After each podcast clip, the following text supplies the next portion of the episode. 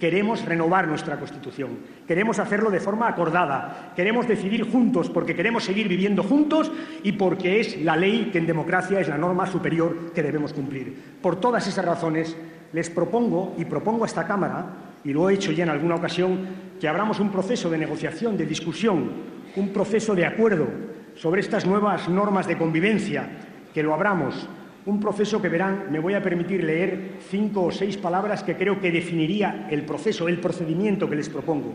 Un proceso que sería democrático, transparente, dialogado, legal y participativo.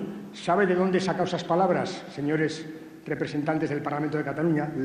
Justamente las he sacado de la resolución del 23 de enero que aprobó el Parlamento sobre el derecho a decidir. Este es el procedimiento que les propongo. Democrático, transparente, dialogado, legal y participativo aquí, en esta Cámara, en la sede de la soberanía popular, para cambiar nuestras normas de convivencia.